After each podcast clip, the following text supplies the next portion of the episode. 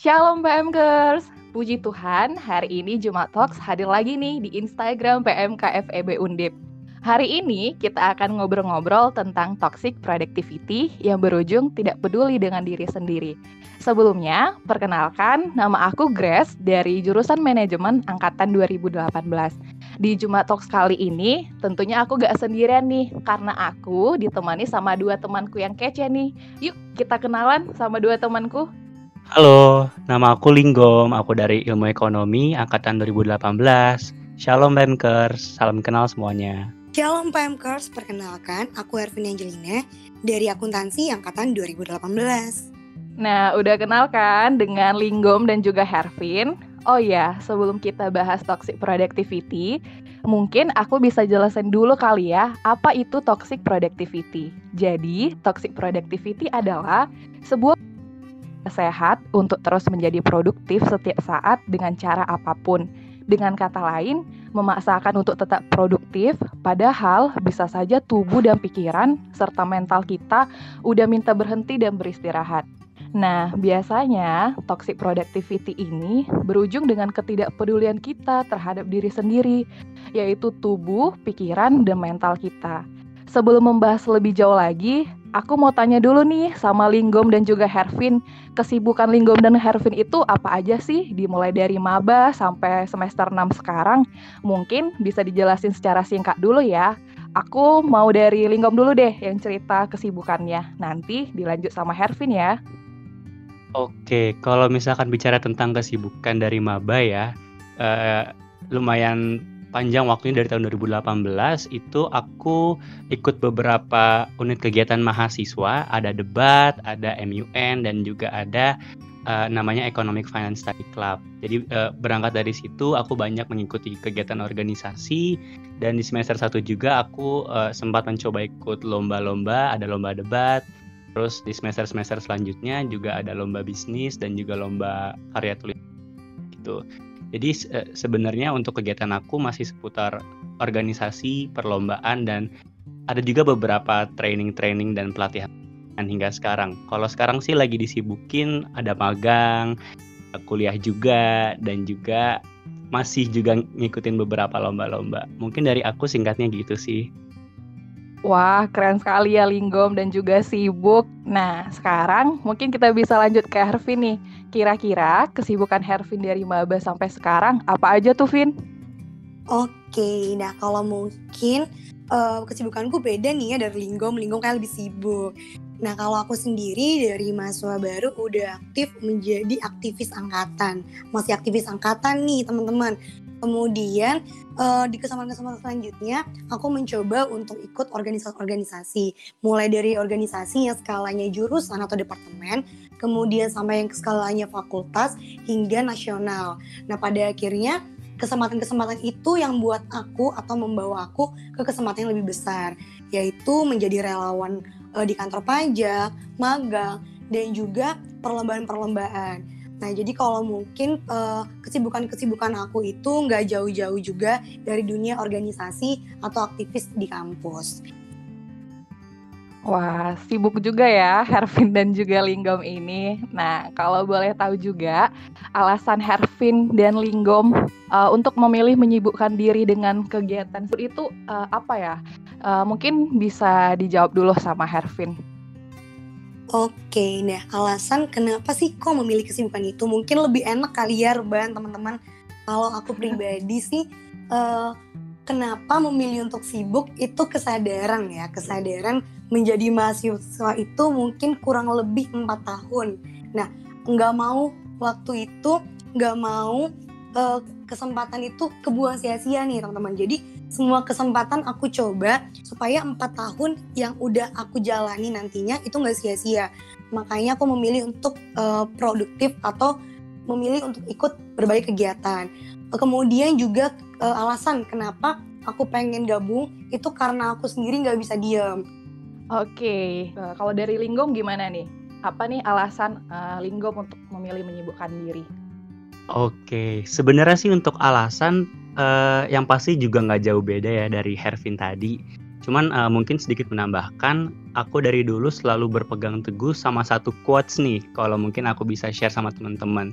Jadi uh, aku pernah dapat quotes dari salah satu pendetaku yang bilang dalam bahasa Inggris, uh, when God puts you into this world, there must be something that God wants to do through you. Yang artinya di saat Tuhan menempatkan uh, menempatkan kamu di dunia ini tuh pasti ada sesuatu yang pengen Tuhan lakukan melalui kamu. And that's why Tuhan memberikan kamu kelebihan, talenta, kesempatan dan juga hal-hal lain.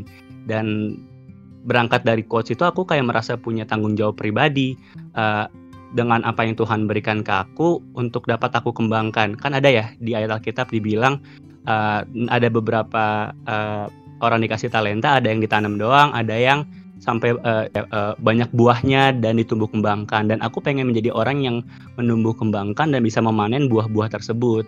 Dan uh, itu salah satu dasar kenapa aku memilih kegiatan uh, tersebut. Dan yang kedua aku juga sama kayak Hervin karena kesempatan kuliah ini sekali seumur hidup yang terutama S1 gitu jadi aku nggak mau nyanyain sih empat uh, tahun aku selama kuliah aku bisa bertemu dengan uh, banyak orang dari berbagai universitas mendapatkan ilmu dan juga menambah relasi juga sih. Dua hal itu sih yang menjadi salah satu dasar dan alasan terbesar aku kenapa aku istilahnya mau menyibukkan diri gitu. Oke, sekarang aku udah ngerti nih alasannya. Jadi untuk uh, teman-teman angkatan 19 dan 20, selagi masih ada kesempatan, gak ada salahnya nih kita ikut uh, berorganisasi, kita ikut lomba, agar uh, kesempatan kita kuliah selama 4 tahun gak terbuang sia-sia dengan kesibukan yang Hervin dan Linggom punya, pernah nggak sih kalian merasakan lelah atau terlalu memforsir diri kalian untuk lebih dan lebih lagi untuk menjadi seseorang yang produktif? Mungkin bisa dari Linggom dulu deh. Kalau pernah, mungkin bisa dijelasin pengalamannya seperti apa. Kalau misalkan ditanya lelah ya itu pasti pernah sih sepanjang proses uh, melakukan organisasi atau lomba itu pasti pernah lelah, pernah jenuh, pernah sampai kurang istirahat dan parahnya uh, pernah sampai mengurangi atau kayak nggak fokus kuliah dan yang lain-lain gitu. Tapi uh, kalau aku pribadi uh, adalah orang yang sudah menentukan terlebih dahulu kegiatan apa yang akan aku lakukan, sudah aku porsikan nih periode waktunya untuk kegiatan ini oh udah ada jadi aku udah bisa lebih memanage waktunya gitu tapi kan kita nggak bisa apa ya eh, nggak uh, bisa meramalkan juga titik jenuh kita di mana dan lain sebagainya gitu gitu sih kalau dari aku Oke, Linggom. Nah, mungkin sekarang kita bisa dengerin nih pengalaman dari Hervin seperti apa. Nah, mungkin kalau dari aku, bener-bener dari aku punya kesempatan jadi mahasiswa baru, aku terjun ke angkatan yang pada akhirnya mengantar aku jadi ketua angkatan.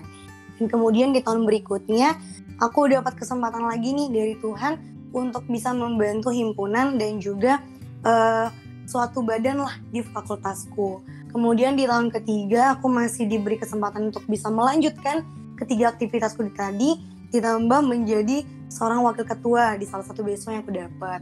Nah, sebenarnya dalam momen-momen itu aku bener-bener pernah ngerasa capek, jenuh, uh, lelah sampai mungkin aku nggak kenal diriku sendiri karena aku mengikuti semua rutinitas itu dan aku jadi lupa gitu lupa kalau uh, aku harus mencintai diriku gitu. Nah mungkin berbeda dengan Linggom ya. Kalau Linggom tadi keren banget udah punya perencanaan di awal uh, untuk menentukan apa-apa aja yang mau dikerjain. Nah kalau aku dulu bener-bener yang ngikutin arus. Jadi emang salah satu kesalahan aku yang mungkin menyebabkan aku lelah, aku capek, dan kemudian itu berpengaruh juga ke emosional aku, itu adalah aku nggak merencanakan dengan baik nih apa yang aku kerjakan. Uh, dan ini salah ya teman-teman, walaupun emang kepercayaan itu uh, datang dengan tanggung jawab yang besar atau uh, amanat itu tidak pernah memilih pun yang salah, tapi ketika aku nggak bisa menempatkan diriku untuk melakukan suatu pekerjaan dengan baik menurut aku aku juga menjadi batu sandungan bagi orang lain. Jadi uh, aku pernah banget ada di masa-masa yang aku capek aku lelah. Uh, walaupun aku nggak berhenti tapi aku jadi nggak mengenal diriku sendiri saat itu. Dan memang efeknya itu uh, bukan lagi bukan lagi seperti ke kinerja aku atau uh, tanggung jawab aku tapi itu emang pengaruhnya adalah ke mental aku atau ke emosional aku. Aku menjadi orang yang berbeda yang bahkan aku sendiri nggak kenal sama diri diriku sendiri karena aku nggak punya waktu nih untuk diriku kayak gitu. Oke, Hervin. Nah, aku mau nanya lagi. Dalam kondisi seperti itu, apa sih yang Hervin dan Linggo melakukan untuk mengatasi kejenuhan, kelelahan, sehingga mood kalian itu bisa naik lagi? Kalau self love uh, versi aku, misal kalau aku kejenuhan atau kelelahan ya, aku kayak uh, makan banyak atau enggak aku uh, ngabisin uang untuk uh, shopping. Eh, asik. Oke, aku mau tahu jawaban dari Hervin dulu nih. Oke, asik banget ya Grace ya. Iya dong. Kalau punya uang untuk ke shopping ya. ini malah aku nggak punya uang gitu. Kalau aku punya uang mungkin aku juga ikut self love uh, versinya Grace gitu ya. Waduh. Ya. Nah, nah mungkin kalau aku duniawinya dulu ya, duniawinya dulu. Uh, aku tuh suka banget nulis plus baca gitu. Jadi mungkin uh, walaupun aku nggak sering mempublikasikannya, tapi bagiku tuh adalah momen di mana aku healing gitu jadi ketika aku bisa uh, membaca buku membaca buku atau uh, apa ya melakukan sesuatu yang bikin aku lupa ya lupa sama tanggung jawabku lupa sama kewajibanku lupa sama semua hal yang harus aku kerjakan itu tuh uh, membuat aku tuh jadi kenal diriku sendiri. Dan kemudian biasanya juga aku nulis gitu. Kenapa aku nulis? Karena aku adalah orang yang suka kebingungan gitu. Suka kebingungan aku harus menaruh emosiku tuh ke mana. Menurut aku untuk menjadi seorang pemarah itu juga nggak tepat. Jadi aku biasanya menuangkan emosiku tuh dalam bentuk tulisan. Kayak gitu. Nah kemudian uh, selanjutnya aku emang selalu percaya sama uh, orang tua aku yang selalu bilang put God first gitu jadi taruhlah Tuhan yang pertama mungkin teman-teman juga udah pernah dengar ayat yang sangat familiar ya untuk kita orang percaya uh, bahwa ketika teman-teman itu mencari Tuhan, teman-teman mau menemukan Tuhan, maka segala sesuatunya itu akan ditambahkan dan itu benar gitu. Dan tapi aku uh, adalah orang yang ketika di masa-masa tersebut sebenarnya bukan orang yang mencari Tuhan, tapi Tuhan yang narik aku gitu. Jadi ketika emang aku lelah, aku down, aku mungkin merasa sendiri, Tuhanlah yang narik aku dengan cara apa? Banyak banget teman-teman. Mungkin sedikit mengagetkan karena aku juga bukan orang yang sangat rohani ya bukan sangat rohani tapi Tuhan menarikku dengan berbagai cara bisa jadi uh, Tuhan men, apa ya mengetuk pintu hati temanku untuk mengajakku beribadah terus kemudian bisa juga selanjutnya Tuhan ngajak aku pelayanan di mana aku sama sekali nggak berpikir apa emang aku sanggup dengan semua kesibukan ini aku melayani. Tapi ternyata Tuhan panggil aku untuk melayani gitu. Jadi aku percaya uh, bukan hanya apa ya bukan hanya aku yang mencari Tuhan mencari Tuhan untuk memenuhi diriku tapi Tuhan juga sesayang itu sama aku dengan narik aku supaya aku balik lagi nih. Balik lagi uh, dalam artian mengisi mengisi dayaku untuk bisa semangat lagi.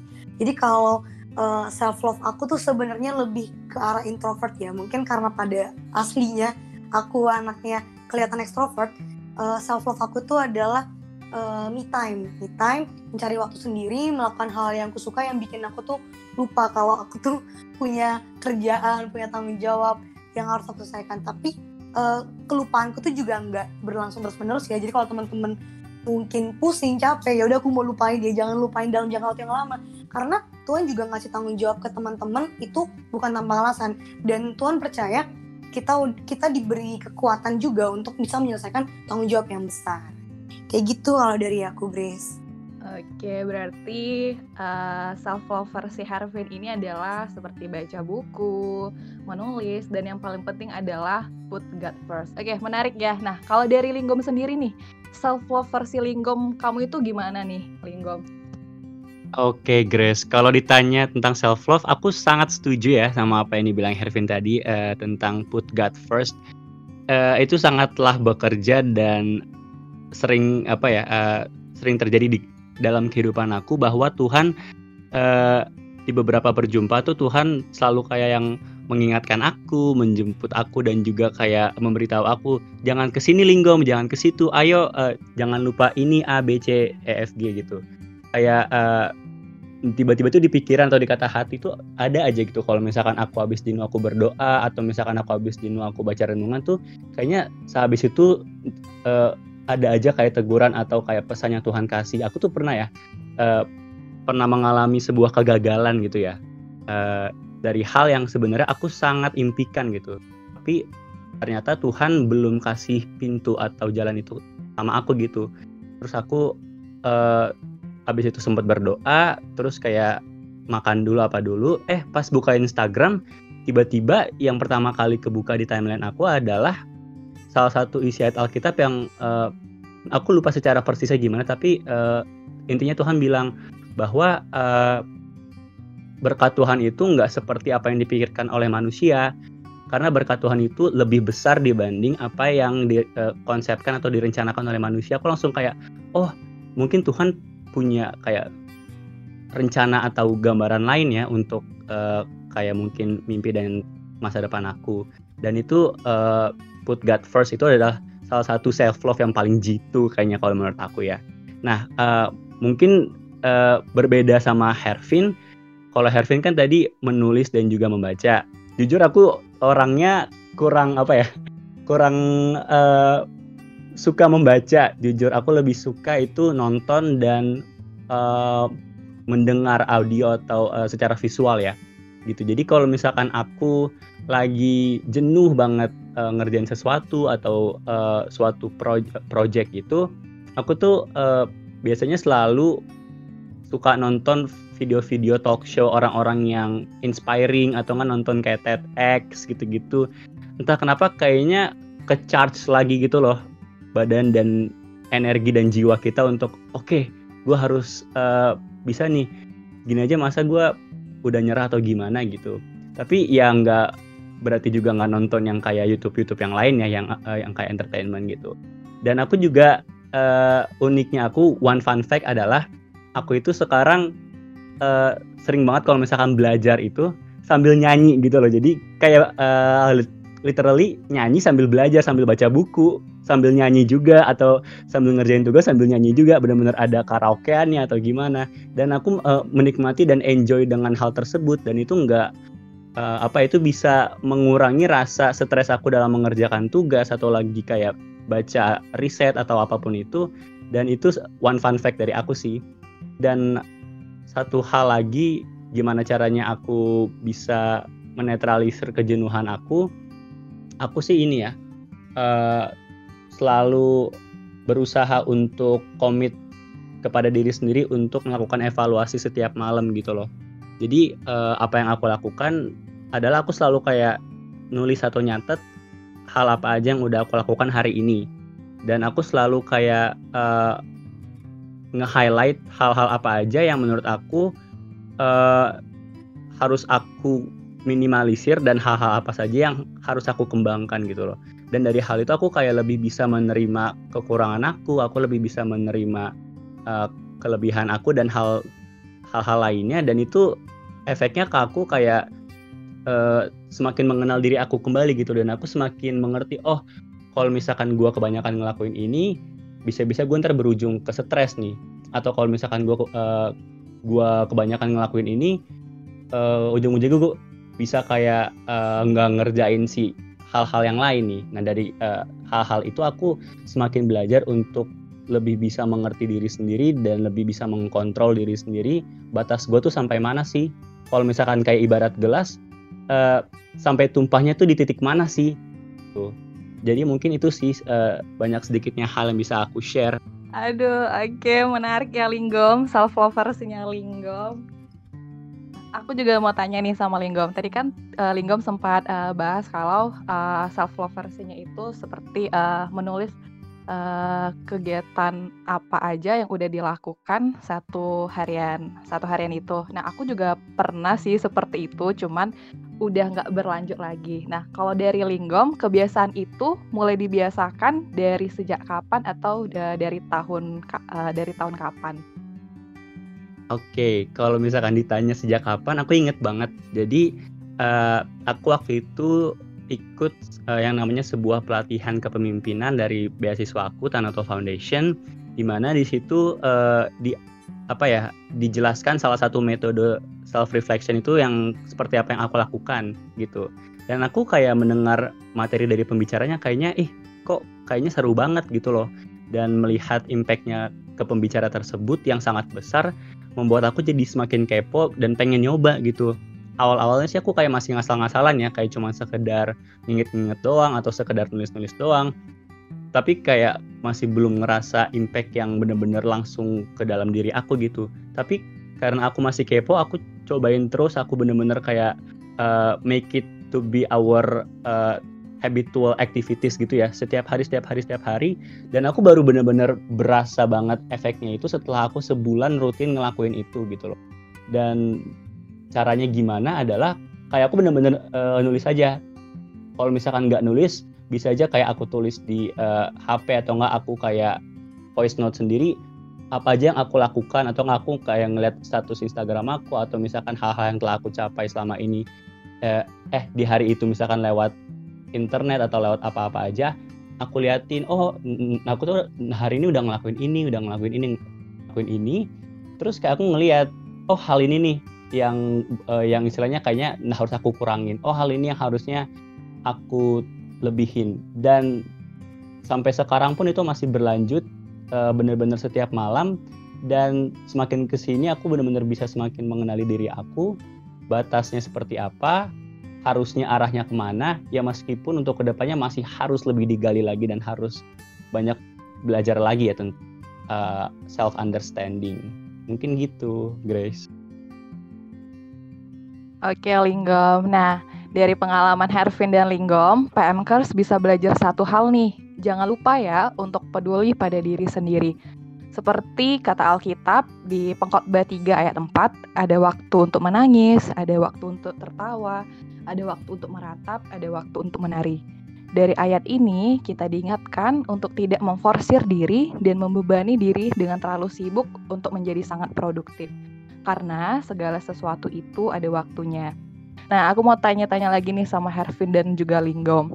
Uh, dan Linggom pernah membandingkan diri sendiri dengan orang lain nggak? Entah itu pencapaiannya atau tentang apa pun.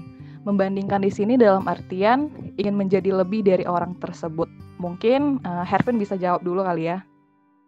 Oke, kayaknya kalau ngebandingin Um, mungkin enggak ya, tapi kalau aku tuh lebih dulu ya, dulu tuh aku lebih ke arah uh, mikir kalau orang lain bisa, aku harusnya bisa dong gitu. Mungkin ini ya pemikiran-pemikiran klise remaja-remaja labil ya.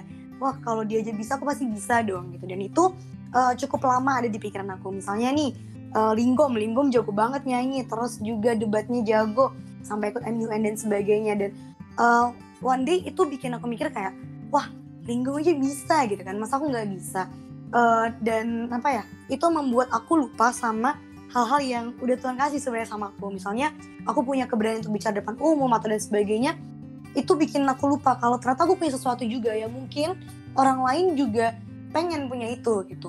Jadi uh, aku pernah di titik seperti itu pernah di momen-momen seperti itu sampai akhirnya aku diingatkan sama Tuhan kalau setiap orang tuh punya talent gitu. Setiap orang tuh punya talenta yang berbeda-beda gitu.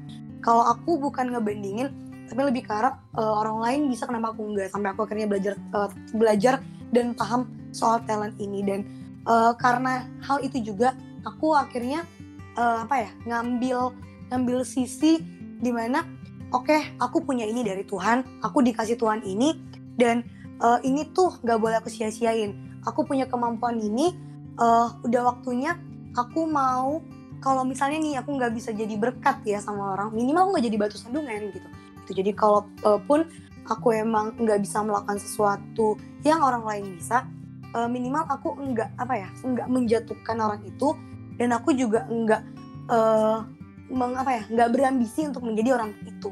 Kayak gitu Grace. Nah kalau Linggom nih uh, Linggom pernah nggak membandingkan diri diri sendiri dengan orang lain uh, one unique question ya yang sangat relate sama aku dan sebenarnya uh, secara jujur aku juga masih merasakan beberapa hambatan dalam uh, hal tersebut gitu loh. Karena aku kan uh, kalau misalkan mau share ya, aku tuh uh, tipe orang yang gampang terstimulasi misalkan kalau melihat orang berprestasi langsung kayak ih pengen nih uh, untuk bisa ikut berprestasi juga. Terus ngeliat orang magang di kantor yang keren wah langsung juga tuh ah gue pengen ah magang di kantor itu. Terus kayak ngeliat uh, ngeliat orang A B C jadi kayak pengen semuanya gitu. Jadi kayak wah keren nih keren nih keren nih keren nih keren nih keren nih.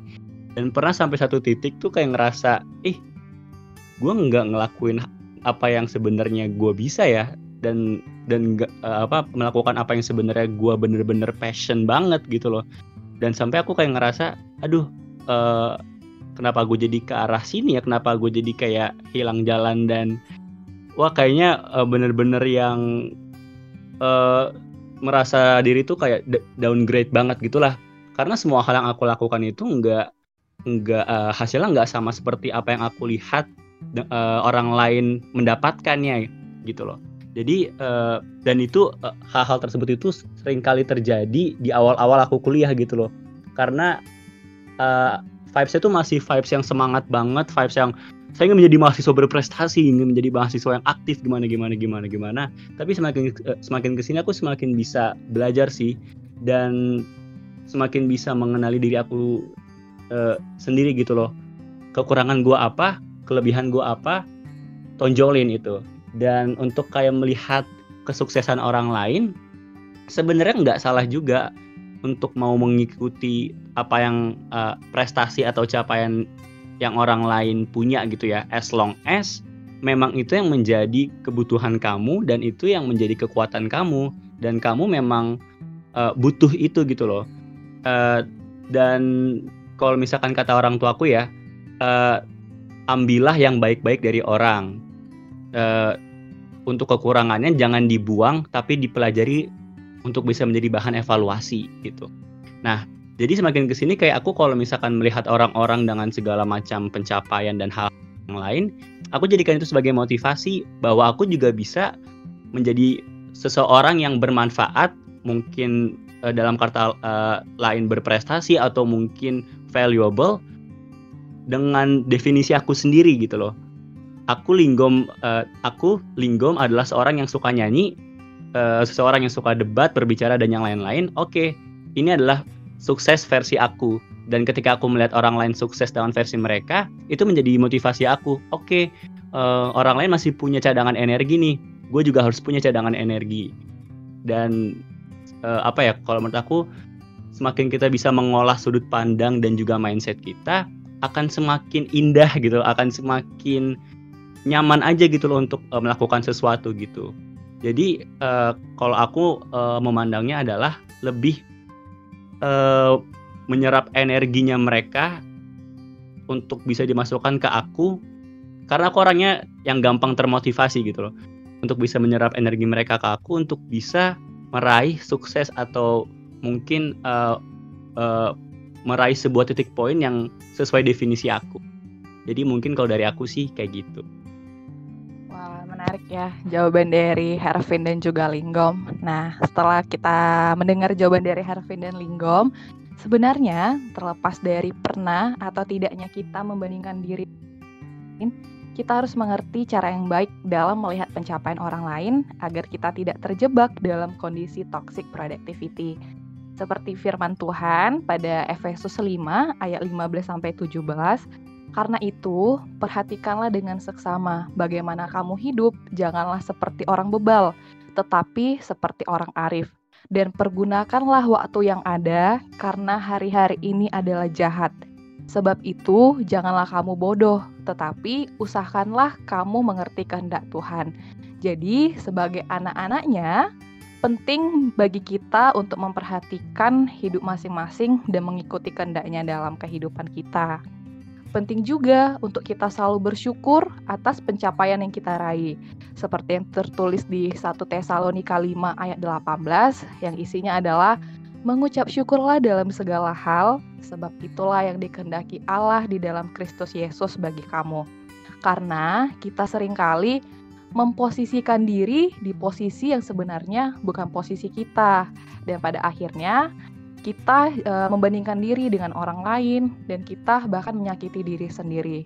Maka dari itu, dimulai dari ucapan syukur dan menerima semua pemberian dari Tuhan. Karena setiap orang itu memiliki porsi yang berbeda-beda. Namun, teman-teman jangan salah artian ya. Uh, pas uh, bersyukur di sini bukan berarti pasrah dengan keadaan. Namun ketika kita mengerti apa itu bersyukur, kita ingin mengembangkan diri dengan pola hidup yang baik dan tidak stuck di situ-situ aja. Dan yang paling penting itu adalah kita berserah karena uh, jika kita berserah, kita mengerti karena uh, Tuhan telah memelihara hidup kita. Oke, sebelum obrolan kita berakhir, ada pesan nggak nih dari Hervin dan juga Linggom untuk PMKers supaya tidak terjebak dalam toxic productivity? Mungkin bisa dari Hervin dulu. Uh, pesan dari aku, teman-teman silahkan uh, produktif, cari kegiatan sebaik-banyaknya, karena sebaik-baiknya orang pasti adalah orang yang bermanfaat bagi orang lain, tapi jangan lupa juga untuk selalu bersyukur. Itu dari aku, terima kasih Grace. Oke Hervin, nah kalau pesan dari Linggom apa nih buat PMKers? Waduh, kayaknya udah diambil nih sama Hervin. Aku juga kurang lebih sama sih kayak Hervin juga. Cuman mungkin ada satu hal yang mau aku tambahin sedikit gitu ya.